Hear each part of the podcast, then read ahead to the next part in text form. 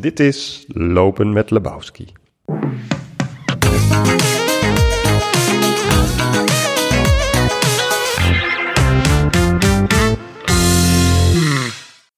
En vriendinnen van de literatuur, maak je op voor een wandeling met auteur Sarah Sluimer en redacteur Jasper Henderson door de binnenstad van Amsterdam.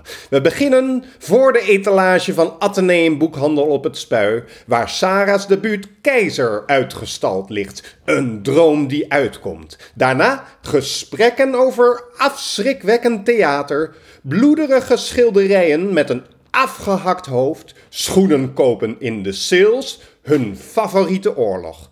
Oedipus, als ook Thea Beckman, determinisme en de vraag of Sarah Sluimer, net als haar hoofdpersoon, een wreed karakter heeft. Amusez-vous! Ja, hoi. Nou ja, oké, let's go. Johan vraagt aan mij hoeveel geld ik zou willen hebben om me nooit meer zorgen te maken in mijn leven. Toen zei hij 1 miljoen, 10 miljoen, 100 miljoen, 3 ton. Toen zei ik een miljoen miljard. Dat is een hele rare vraag, toch? Gekke Johan. Maar, sorry, wat vroeg, hij, waarom, waarom appt hij jou die vraag? Ja, in een appgroep. Hij, hij, kennelijk was hij ermee bezig. Oh nee, ik weet het al. Het was omdat Mabel heeft eh, nu eh, aandelen in dat A- Adyen of zo. Dat- prinses Mabel? Prinses Mabel. En dat, die, heeft haar, eh, die heeft ze verkocht vandaag voor 43 miljoen euro. Waar had ze aandelen in? Adyen heet het of zo. En dat is het, de, de nieuwe eh Ideal. Oh, Dat gaat dat helemaal vervangen. Ja. Want hij had daar aandelen in en die heeft ze verkocht. maar dat hebben wij dan niet, hè? 43 miljoen euro. Jij wilde schrijver worden. Ja. Leuk man. Ja. Nou, over schrijven gesproken. Eh, we gaan maar wandelen. Gaan we gaan hier zo de steeg in. Ja. Nou, we, we waren net eventjes eh, koffie drinken in Café de Zwart. Hè? Toch wel even Dat klopt. Nou, dat was behoorlijke koffie. Nee, de reden wou ik... Vroeger kwam ik heel vaak in Café de Zwart. Dus Ja. we lopen trouwens op het spui, dames en heren. Waar woon je dan? En ehm, daar was ik bijna elke avond. En, en, en ja, dus daar had ik wel een beetje genoeg van. Maar ik vond het nu eigenlijk wel heel erg prettig. Ja, Jij? Kwam je veel in ik de kwam Zwart? hier heel veel. Want ik, eh, nou, ik was meer bij Hoepen, geloof ik. Maar jij bent een hoppendame. De Hoepen en de Pels. De Pels was Ja. ik eigenlijk het vaakst. Ja, leuk. Maar de, maar de Zwart is natuurlijk wel echt het, het schrijverscafé. Ja, wist ik veel. Ik was geen schrijver. Ik deed aan theater. Oh ja, maar wat deed je dan in deze cafés? Ik woonde hier om de hoek. Dus Oh. ik, ik was gewoon een, eh, wel een, een spui- een spuibaby. Oké, en kwam jij dan hier uh, Ik kwam hier veel. bij Atheneum? Ja, heel Waar is veel. die etalage dan? Hier, maar ik denk dat hij weg is. We gaan gewoon even kijken. Nu al? Nee, hij is er nog. Ja! Nee, hij is er gewoon. Een hele etalage. En ze hebben het schoongemaakt. Dit was één grote stofbende. Ik wist niet dat jij Lammert Kamphuis heette ook. Ja, die hebben ze erbij gedaan. Dat was Nou. vorige week niet zo. Nou, Lammert, lig Nou, jij er die mooi gaan bij. we even, even uit de etalage rammen. Filosofie voor een Maar, weergaloos eh, leven. ja, maar dit was dus vorige week eh, was ik hier en toen stond ik hier met de directrice van Atheneum, Caroline. En eh, toen was ik met, met Johan Frets en, en Willem Bos en toen hadden we wijn gedronken. Johan had wijn meegenomen. Om het te vieren. buiten, ja, het was heel verdrietig. Maar het was ook heel leuk. Maar toen kwam Caroline en die zei van, oh, er zit allemaal stof hierop. Dat kan. En nu zie ik dat ze het hebben schoongemaakt. Ja, maar er de, de, de kwibbelt wel een soort scherm, beeldscherm doorheen. Ja, dat klopt. maar dat kon dus kennelijk niet anders. daar voortdurend op te zien Nou ja, sowieso, waarom staat er niet een enorme banner eh, met mijn hoofd? Maar toch mooi, Sarah Sluimer. Je Ja. is al de tweede week dat je in de etalage van de mooiste boekhandel van Amsterdam ligt. Ja, dat, ik moet zeggen, ik vind dit ook het allerleukste tot nu toe van een boek uitbrengen, deze etalage. Dat Ja, gewoon- Mooi hè, dat wit zo. ja, Keizer. ja. Het is echt, eh, kijk, ze hebben er ook één omgedraaid nu. Dat hadden ze vorige week ook Ja, nog. en als we hier lang blij genoeg blijven staan, gaat het mensen opvallen dat jij degene bent die naar je eigen Dat portret klopt, kijkt. ja, maar dat geeft niks. Nee toch? Nou, kom, we gaan lopen. Ja.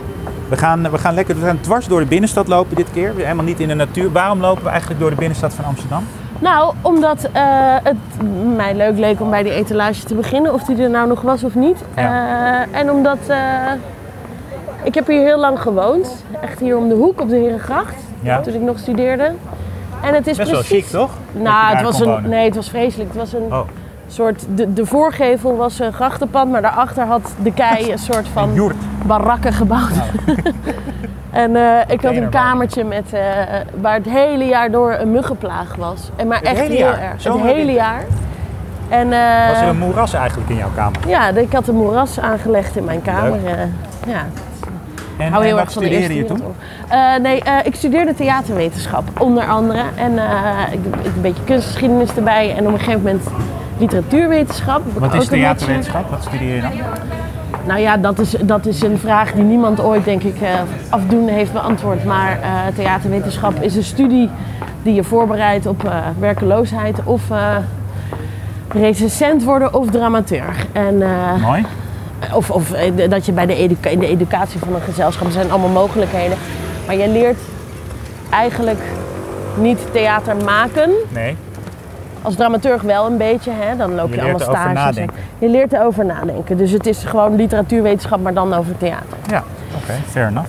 En eh, Maar is dat dan ook een van de redenen, want dat moeten we natuurlijk ook wel even vertellen, dat, dat jouw eerste boek, Keizer, ja. gaat over een toneelregisseur.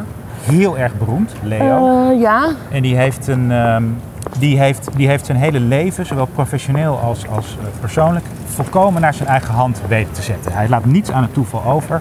Elke minuut, elke handeling, alles is letterlijk en figuurlijk geregisseerd. ja. Tot hij op een gegeven moment in New York, eh, zijn gezelschap dat hij leidt, treedt op in New York. Komt hij op een feest een Victor tegen, een hele beroemde schilder. Ja. En die mag hij helemaal niet, die vindt hem een ontzettende eikel.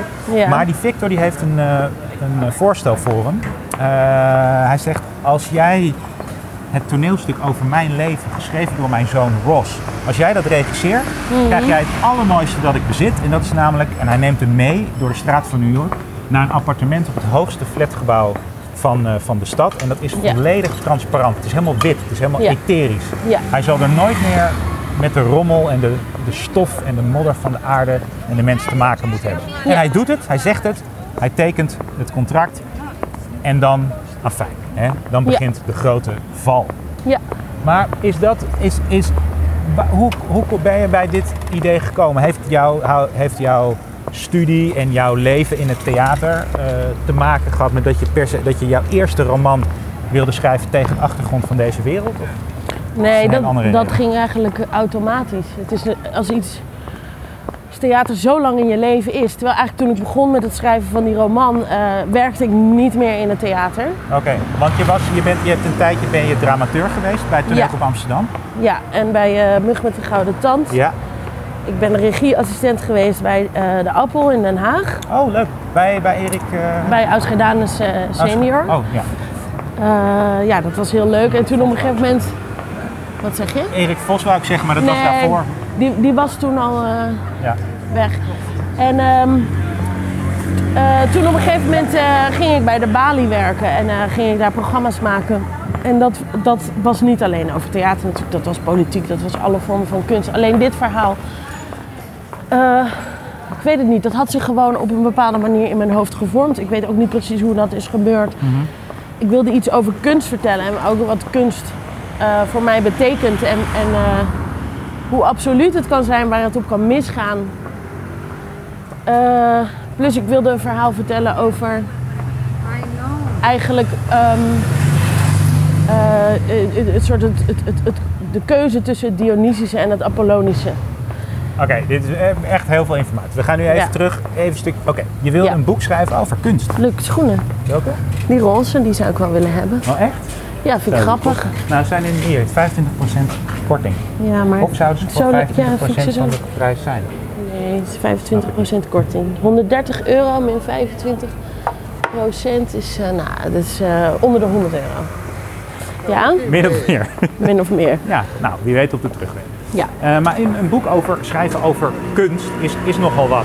En ik bedoel, is, is niet een heel, heel voor de hand liggend thema om dat even, zeker niet met je eerste roman te doen. Had dan de Eerste Wereldoorlog genomen. Dat was ook een idee geweest. Maar ehm, dat komt nog. Ik denk dat ik eh, vanaf nu alleen maar boeken over oorlogen ga schrijven. Mooi. Heb je een favoriete? Eh, een favoriet boek over de oorlog? Nee, favoriete oorlog. Ja, een favoriete oorlog. Even denken. Ja, ik denk ehm, de, de eh, boerenoorlog. nee, eigenlijk, er is een oorlog in de, Gek dat jij 13e dat eeuw, goed zegt. in de 13e eeuw tussen de Fransen en de Engelsen. Oh. En, eh, daar, altijd oorlog, de Fransen en Engelsen. ja, maar er is een soort heel lijvig eh drieluik over geschreven door Thea Beckman ooit. Kruistocht in Spijkerbroek. Nee, nee. Oh, sorry. Triomf van de verschroeide Ja, ja, ja. aarde, het Rad van Fortuin. Thea Beckman, zou je dat nu nog kunnen lezen? Nou, ik heb het laatst weer geprobeerd. Het is heel tuttig. Heel tuttig, hè? Maar ik was helemaal dol op die boeken. En vooral omdat er een soort Bretonse herenboer in zit. Bertrand de Guesclin. Die dan in de adelstand wordt Zeg verheven. keer, Bertrand de Guesclin. Ik heb heel lang gedacht dat het Guesclin was. En toen was ik in zijn geboortestadje. En toen vroeg ik in een boekwinkel... Heeft u ook boeken over Bertrand de Guesclin? En toen hadden ze me heel erg uitgelachen. Dus, Ja, nou ja, kut vandaar. Maar goed, dat is mijn favoriete oorlog. Ja. Ja. Ja, mooi. Hey, en boek over kunst. Ehm, Ja. Hoe, hoe denk jij dat... ik weet niet eens hoe ik dat moet vragen. Maar wat voor vraag ik hierover moet formuleren. Ja, ik weet ook niet zo goed wat voor. eh, als, in, als je wil weten waarom ik mijn eerste boek over kunst heb geschreven, dan is het antwoord eigenlijk heel simpel. Omdat, omdat, ik dat niet, omdat ik niet echt anders kon of zo. Dit was gewoon mijn idee. En het was niet iets waarvan ik dacht, hoe, dat is ambitieus of dat is. eh, Oké, laten we dan zo, laten we dan maar weer persoonlijk doen. ja. Wat was het eerste moment, kun je nog herinneren, wanneer je je realiseerde bij het kijken naar kunst, wat het ook was, in jouw geval denk ik toneel, theater. Ja. Dit is zo wezenlijk, hier, dit is zo belangrijk voor mij en, en, en, en, en, en in extenso voor de hele mensheid misschien eigenlijk wel. Daar moet ik, daar moet ik iets mee. Wat, wat was jouw eerste Ehm. grote kunstervaring?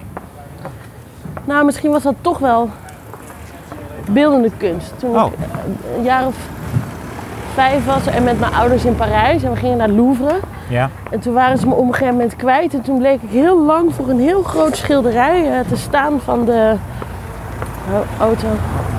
Van ehm, eh, Salome en, of, eh, of Judith. Met de onthoofding Ja. van.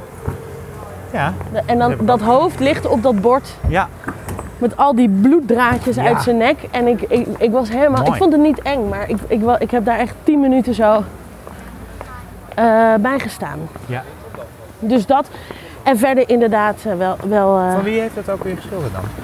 Ja, dat weet ik dus niet meer. Dat is erg, hè? Is het Nou, niet... ehm, Voor de luisteraars, als jullie het weten, stuur even een mailtje. En de eerste drie goede antwoorden krijgen Keizer thuisgestuurd Yes. van Sarah Sluimer. Goed idee. I promise. Ehm, dus Maar dat... goed, wat gebeurde ja. er toen met je, toen je dat zag? Ik vond dat gewoon, ik vond dat gewoon iets... Ja, weet ik veel. Ik was vijf. Ik vond het gewoon heel mooi.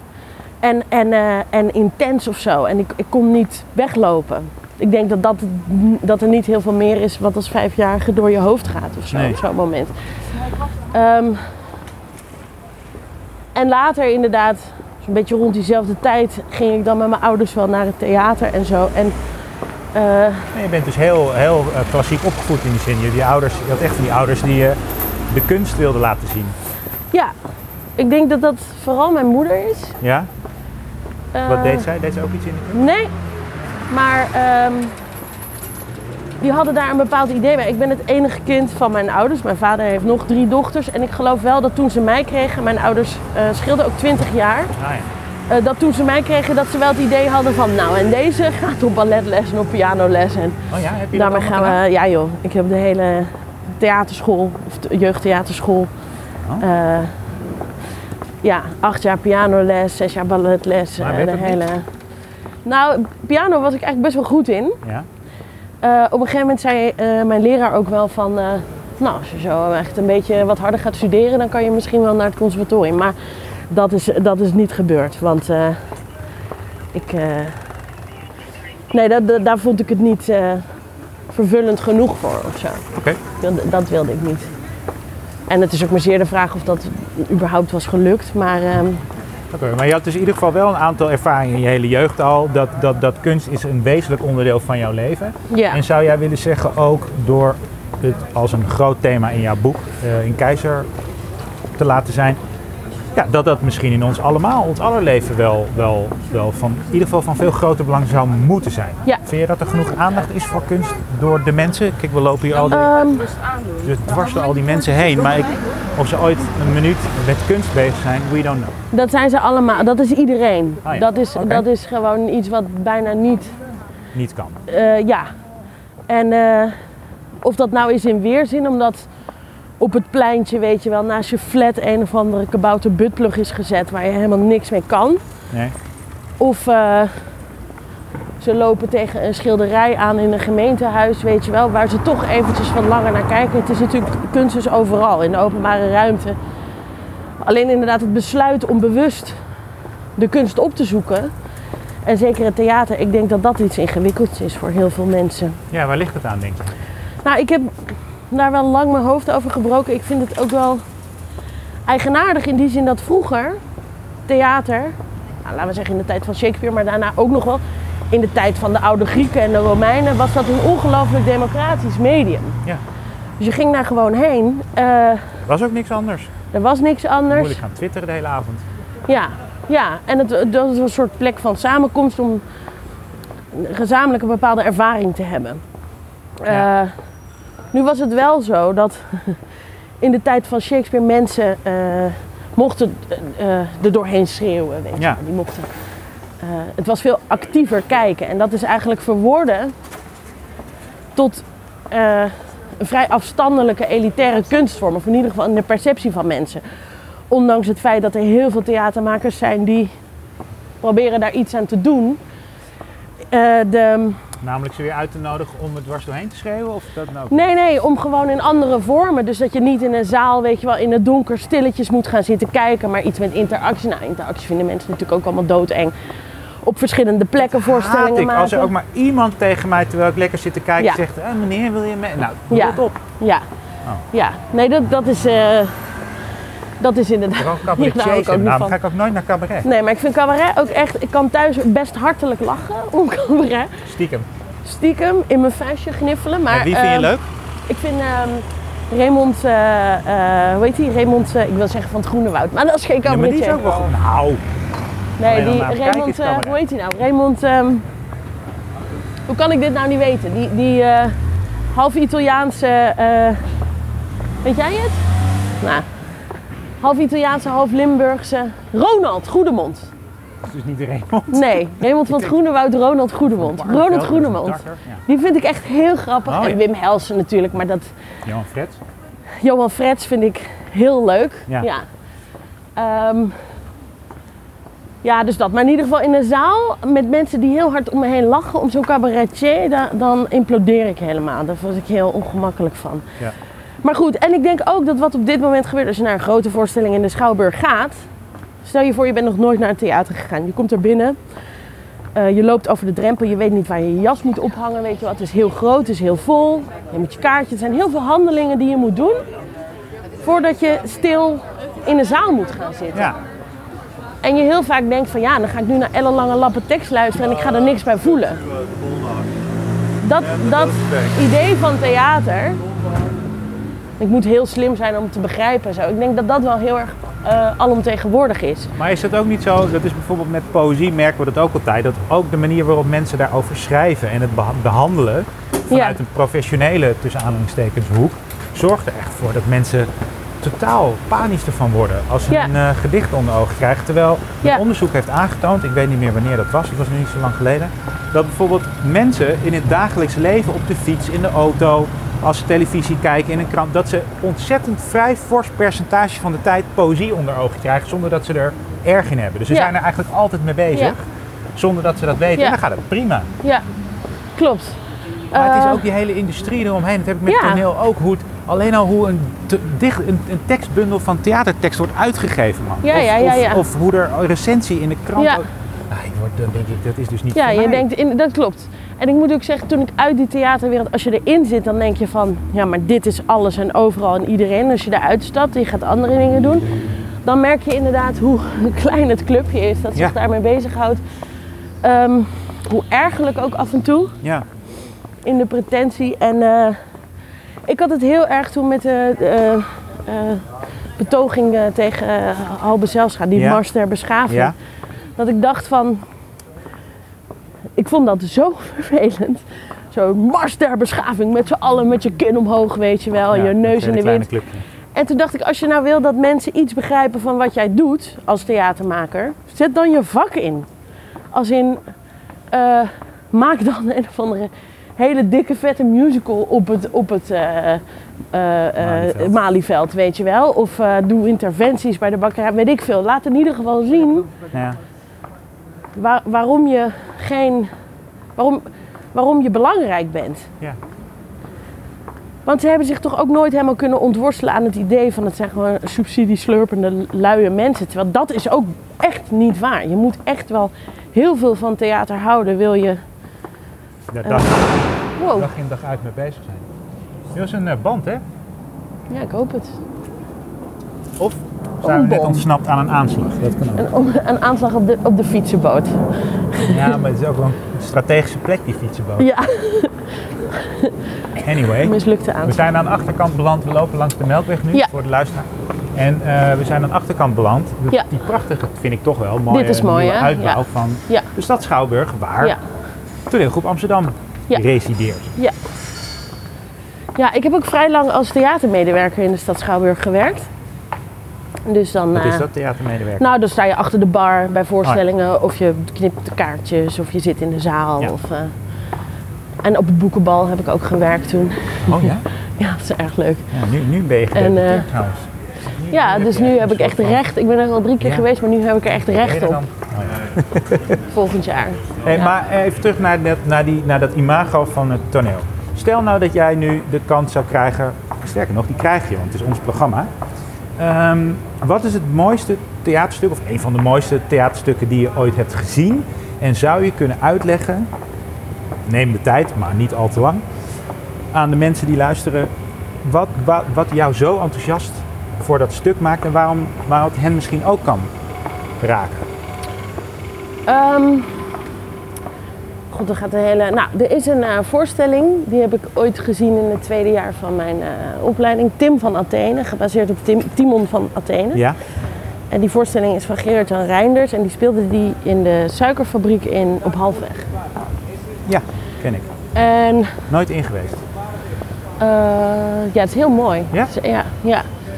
En eh, dat is altijd al leuk, hè? Je fietst ergens heen, je bent ergens anders en zo. En dan in zo'n enorme fabriek wordt, eh, eh, staat in één keer zo'n gigantisch decor en had een soort ehm, catwalk gemaakt. En het was een paar jaar na de dood van Pim Fortuyn. Ja? Dus hij had ook, Tim van Athene was eigenlijk Pim. Oh ja. Wat ik me nog kan herinneren van die voorstelling is dat aan het einde komt een soort typisch zo'n zo'n Delftsblauw Hollands paardje op. Zo'n vrouw met zo'n mutsje, weet je wel, een man in van die, nou, zeg maar de Volendam outfit.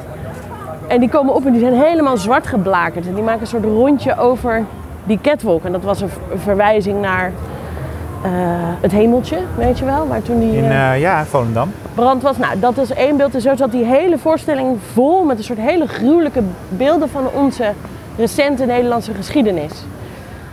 En ik vond dat zo scherp en zo eh, goed gedaan. Ik was gewoon echt, ik heb echt een soort twee uur achterover in die stoel gezeten zo. Ehm, Maar om de, omdat hij zo de, de, de moderne, de, de tijd van nu, gewoon gewoon letterlijk waarin mensen leefden, zo Ja. mooi kon verbinden aan een heel klassiek stuk. ja, dat. Ik hou Van daar hoe lang geleden, wanneer is dat geschreven? Nou ja, hoe- 1500 nog ja, iets. kun je Ja. nagaan. Ja, En hoe dat het nog steeds zo relevant is. ja. En is Ja. dat dan misschien een van de, de grote essenties van kunst? Dat het dat echt groot altijd relevant, in welke tijd je ook leeft? Dat het gewoon altijd iets betekent voor iemand? Ja, dat denk ik. Hoewel ik ook denk dat iets, een, gewoon een autonoom werk, dat in principe alles is natuurlijk eh, eh, intertextueel. Dus er is altijd een referentie te vinden naar iets anders. Oh ja. Maar er zijn gewoon dingen die op zichzelf, die geen enkele politieke lading of weet je wel, die heel mooi zijn. Natuurlijk gewoon puur esthetische kunst. Het kan ook zitten in een wit vierkant op een zwart doek. ja. Maar voor mij, voor mijn liefde van theater, geldt het toch wel. En eh, misschien was ik zeg maar nog vijf jaar geleden een beetje te snobberig om het toe te geven. Maar dat ik heel erg hou van voorstellingen die me ook een beetje overweldigen. Maar in Eh. welke zin dan overweldigen? Wat gebeurt er dan met je? Wat betekent Ja, dat? dat ik denk dat mensen dit kunnen maken. En dat je eigenlijk de hele tijd en ruimte en alles, alles buiten, dat, buiten die zaal of buiten die ruimte waar je bent om even vergeet. En dat je gewoon een soort van Oh ja. bijna bloeddorst krijgt van, van, van wat je ziet, weet je wel. Echt zo de, de mens. Ehm, dat, is echt, dat is echt catharsis of zo. Maar dat kan ik soms gedurende een hele voorstelling hebben. Dat je, Ja. dat je Dat begrijp ik. En, helemaal... Ja.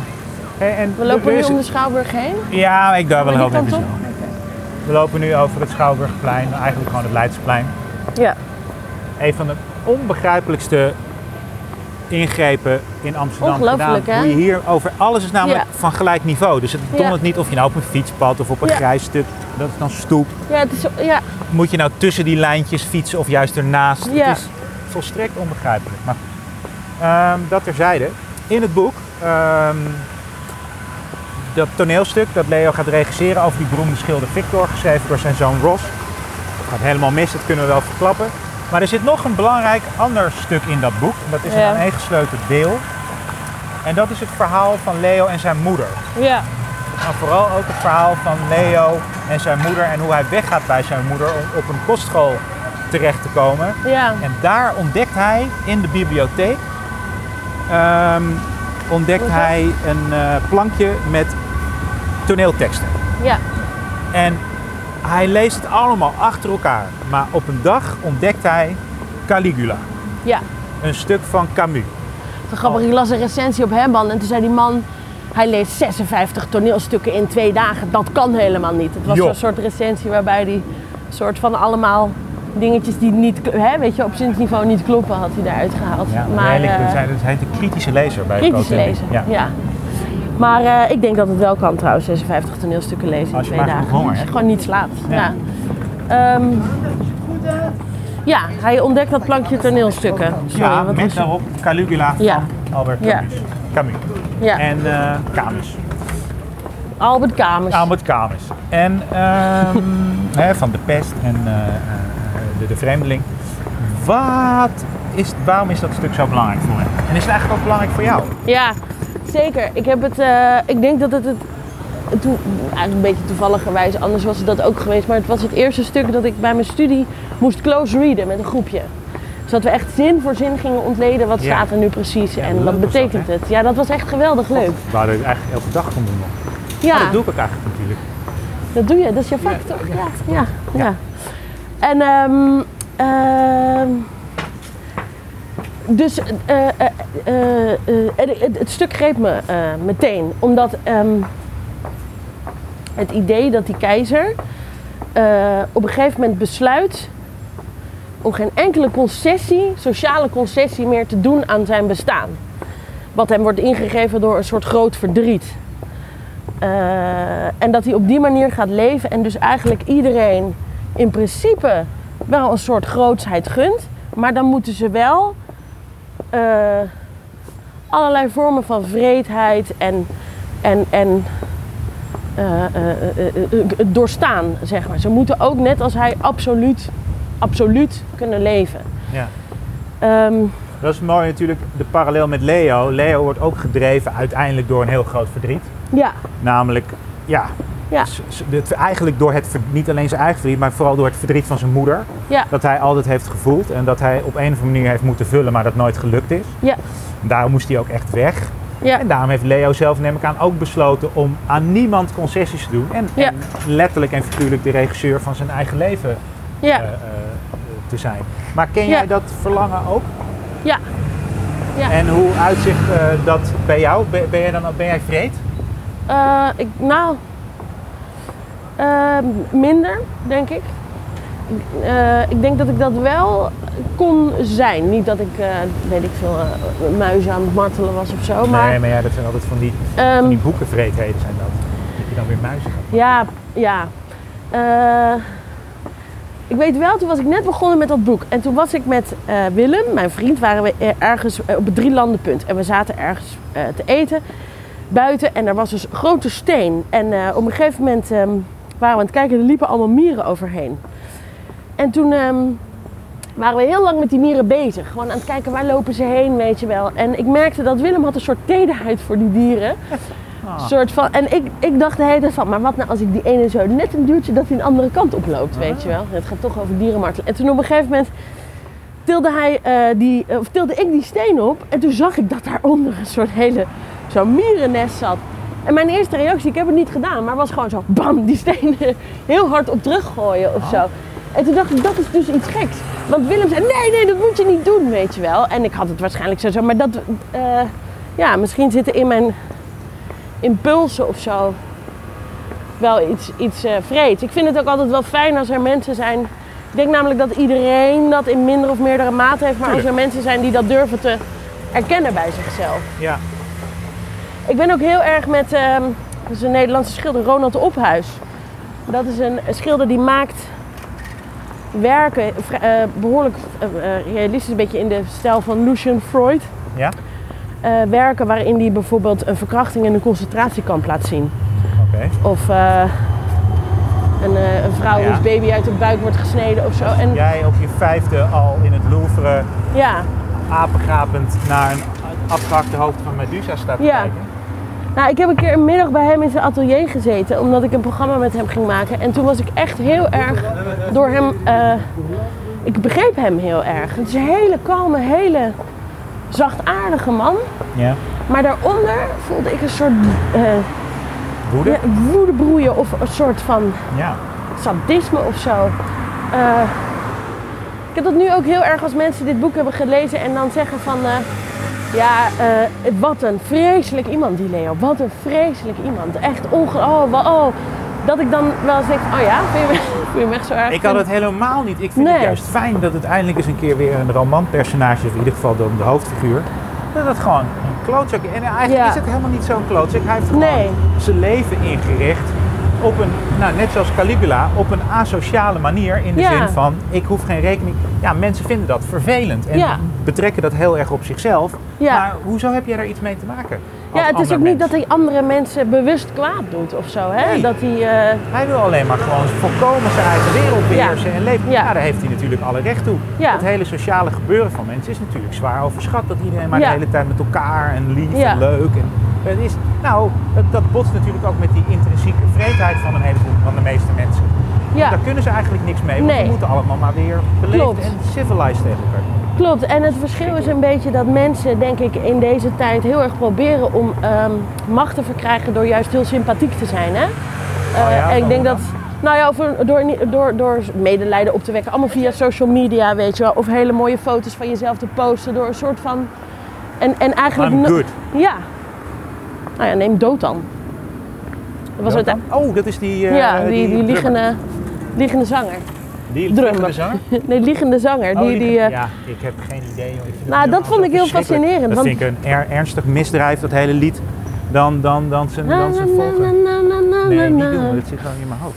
Maar goed, uiteindelijk was het doel van zijn leugens, zoals ik het heb gezien, niet eh, dat hij per se meer, meer albums wilde verkopen. Maar hij schreef dingen over zichzelf dat hij zo'n goed mens was. Ja. Dat hij zo'n. eh, Maar ja, dat doet iedereen met elk commentaar ja, op, op anderen en foto's. Je, je, je druipt gewoon de, Ja. de, de van laat mij goed zijn en, en vooral zie dat. ja, en inderdaad daarop reageren ook weer is een soort van: oké, ik vertel nu aan jou dat je mooi bent en dan moet je dat ook weer bij mij doen. Ja. En daar heeft die Leo gewoon helemaal. Die, die, Helemaal niks. nee, en ik, ik, ik vind dat. Ja, ik vind dat eerlijker. Sympathiek ook. Ja, maar het is ook een beetje ehm Ayn Rand, hè? Ambitie boven alles. En, Van de eh, Fountainhead, toch? ja, Maar dat is toch een verschrikkelijk eh, boek?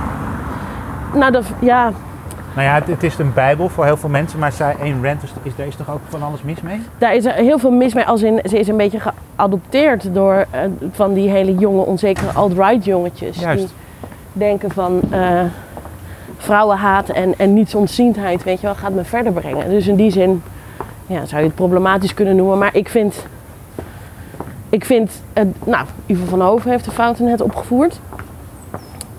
En toen dacht ik echt van, oeh, moet je dat doen, weet je wel? Nou, je noemt hem nu eventjes, maar dat hebben we zorgvuldig vermeden. Maar er zijn mensen die zeggen dat Leo gemodelleerd is, of wel heel erg lijkt in ieder geval op Ivo van Hoven. Maar dat is, ja, hij heeft wel trekjes toch? Maar dat, Ja, ja. dat is het dan ook. Ja, dat is het. Ik bedoel, het is niet, dit, is- dit is niet het, het is niet het levensverhaal van Ivo van Hoven. Het is niet dat er bij mijn weten een soort directe eh, anekdote of zo in zit die op Van Hoven is terug te voeren. Nee. En daarnaast, ehm, ja, de, de- het gaat om een bepaald type ambitieuze man, waar er Ja. wel meer van zijn. Er zijn er een hoop van. Ja, en eh, ik denk dan ook zelfs van, weet je, als iemand echt denkt van, nou, ik wil hier gewoon helemaal Ivo van Hoven inlezen.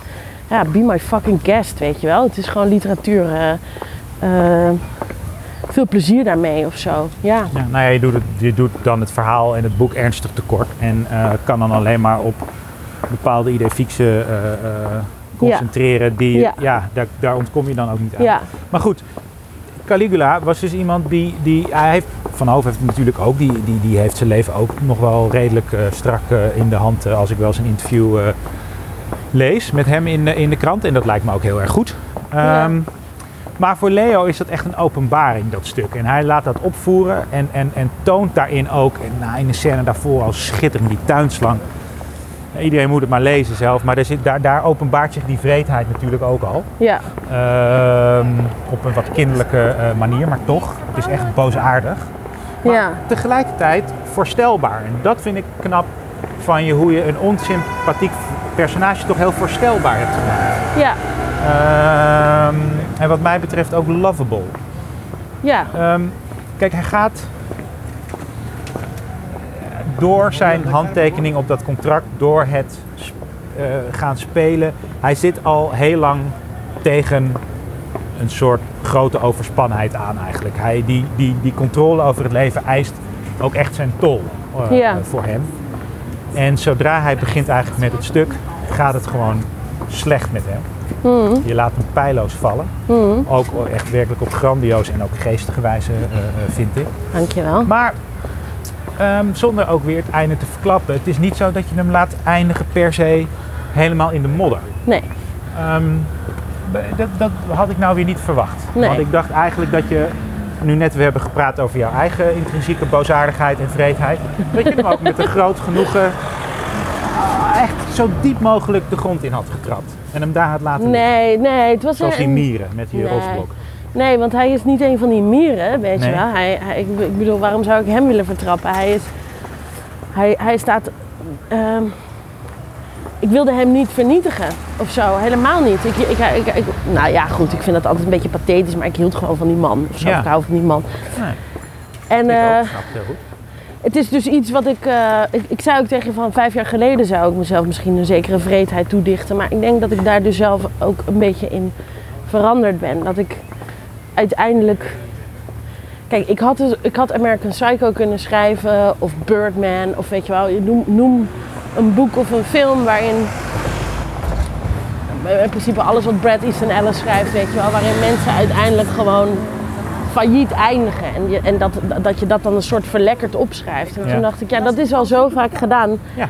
En dat is ook niet meer mijn verhaal of zo. Eh, mijn verhaal uiteindelijk voor die Leo is eh, dat hij zich moet gaan realiseren dat hij een sterfelijk mens is. En, eh, en geen halfgod. En eh, Maar dat is dat ook niet wat, wat, wat het maken van kunst, dat dat eigenlijk de enige reden is om het te doen? Toch proberen stiekem te denken dat je daardoor iets minder sterfelijk wordt? Ja, tuurlijk. Alleen is het alsnog wel goed om daar iets van een menselijke maat, denk ik. Of in ieder geval is dat uiteindelijk waar je toch bij uit zou moeten komen. Want je, je, je lichaam wordt ouder. Je, er zijn anderen die je gaan inhalen op een gegeven moment. Eh, weet je, iemand die het lukt om tot aan het einde van zijn dagen zo totalitair eh, volgens de maatstaven van zijn kunst te leven. Er komen even 600 toeristen op Ja. een groene fiets langs, die niet kunnen fietsen. Petje af daarvoor, weet je wel. Maar ehm, Wilde je ook gewoon Leo confronteren met, wilde je hem ook confronteren met het gewone leven? Uiteindelijk, dat Ja. er meer is dan die, dan Ja. die kunst, dan het abstracte. ja, iets wat hij absoluut niet had verwacht, dat dat hem toch overkomt en een zeker soort vreugde geeft. Ehm, waarmee ik eigenlijk ook ergens zeg van ja, Leo is niet de, misschien nog wel een minder grote kunstenaar dan zijn tegenstrever, hè, Victor. Ja. Die, die al eh, vrouwen versierend, drinkend en vretend door het leven gaat, maar in ieder geval wel zijn werk blijft maken. ja, Ehm, heel zinnelijk is hij, hè? ja, Dat is wat je eerder aan het begin van het gesprek wilde zeggen over het Dionysische en het Apollinische. ja, Hè, Ja. Het Dionysische zit in Victor, het hele lijfelijke, het zintuigelijke, het tastbare. En het Apollinische, het geestelijke, Zuivere, is Leo, het ja. zuivere. ja. Ja. Maar, nou, wat ik mooi vind, ik moet in dit verband ook wel eens denken, en dat blijf ik altijd, blijf erop terugkomen, die uitspraak van uh, schrijver Peter Buwalda, die altijd weer beweert in Ook een interviews. debutant, hè, tot nu toe. Zeker.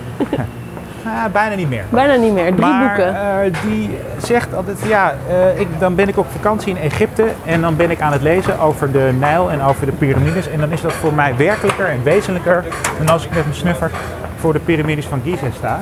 Ja, Eh, omdat literatuur of boeken, zijn, voor- verhalen zijn voor mij juist het concentraat van, van het werkelijke leven. Zijn voor mij ook echt puurder en werkelijker Ja. dan wat ik om me heen zie. Maar Ja. is dat dan niet een hele waarom zou je anders schrijven? Ja, maar goed, ik, we hadden het net over Leo, die je toch wilde confronteren met, met die andere kant. Met dat, dat pure niet zozeer in de kunst, hoe- in dat destillaat, het concentraat hoeft te liggen. Maar ook in het gewone leven, zoals dat Ja. je overkomt. Ja, dat is ook zo. En dat, eh, dat geldt voor mezelf ook. Oh ja? Ik maak daar een soort, natuurlijk. Want ik heb sinds gewoon een de gezin. geboorte van Ezra, ja. Ja, goed, het gaat altijd in mijn geval over sinds de geboorte van Ezra. Terwijl mijn vriend volgens mij nooit is gevraagd naar sinds de geboorte van je kind. Wat zei je nou, dat mijn vriend? Nog nooit is gevraagd naar is er sinds de geboorte van je kind iets veranderd. Dus het Oh is nee, wel, is dat stom? Ja, hè? ja.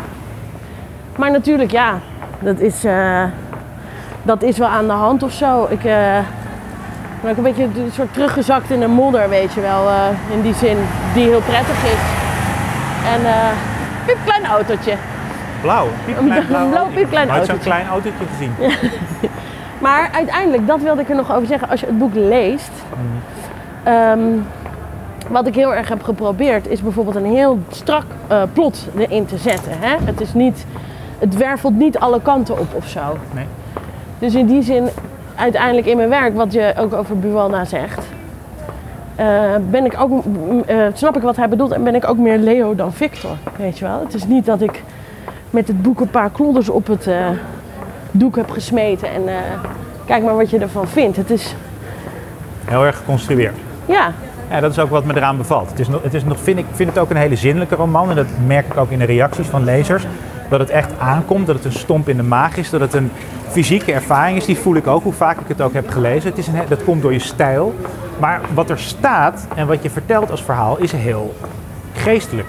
Is, het, Ja. is echt een construct. Bijna echt als een toneeltekst. Je, bent, je dialogen en je, je, je- de snelheid in je schrijven. Ja. is allemaal, je, je ziet dat je veel theater hebt gelezen. Maar het doet tegelijkertijd heel erg werkelijk over. Het, is een verhaal dat zich in een soort parallele werkelijkheid, die we ons nog wel goed kunnen voorstellen, afspeelt. Maar het is niet dit. Het is geen naturalisme. nee, klopt. Dat vind ik heel mooi daaraan. En, Dat zie je ook ja. nooit in Nederlandse romans hoor. Wist je niet? Wel als ze in de Eerste Wereldoorlog spelen, dan wel. Ja, dan, dan is het anders. Echt heel levensecht, Ja, hè? heel science fiction-achtig, Ja.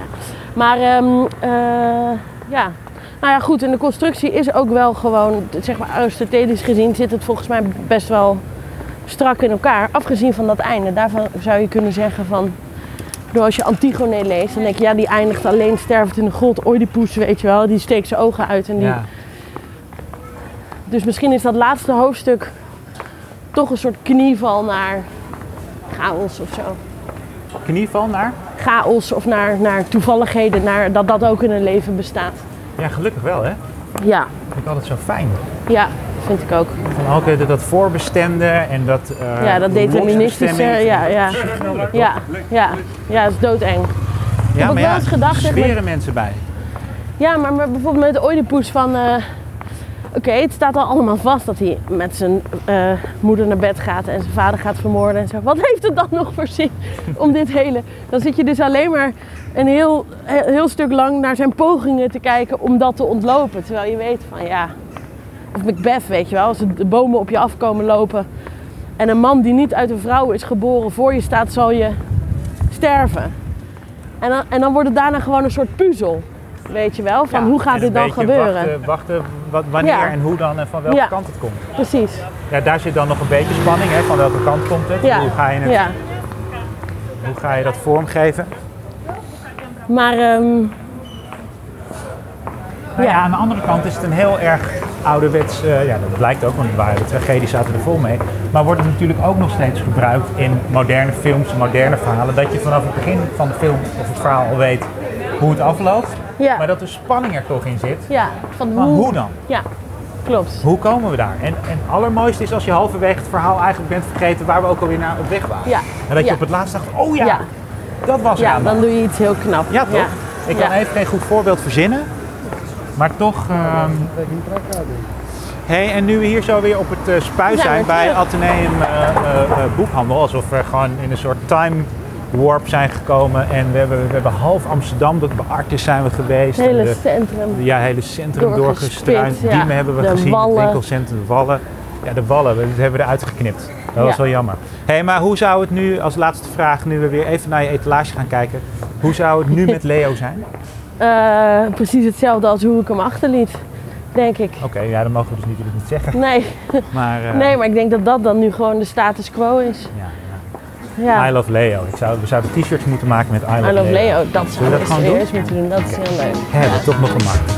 Ja, Dankjewel, hoppatee.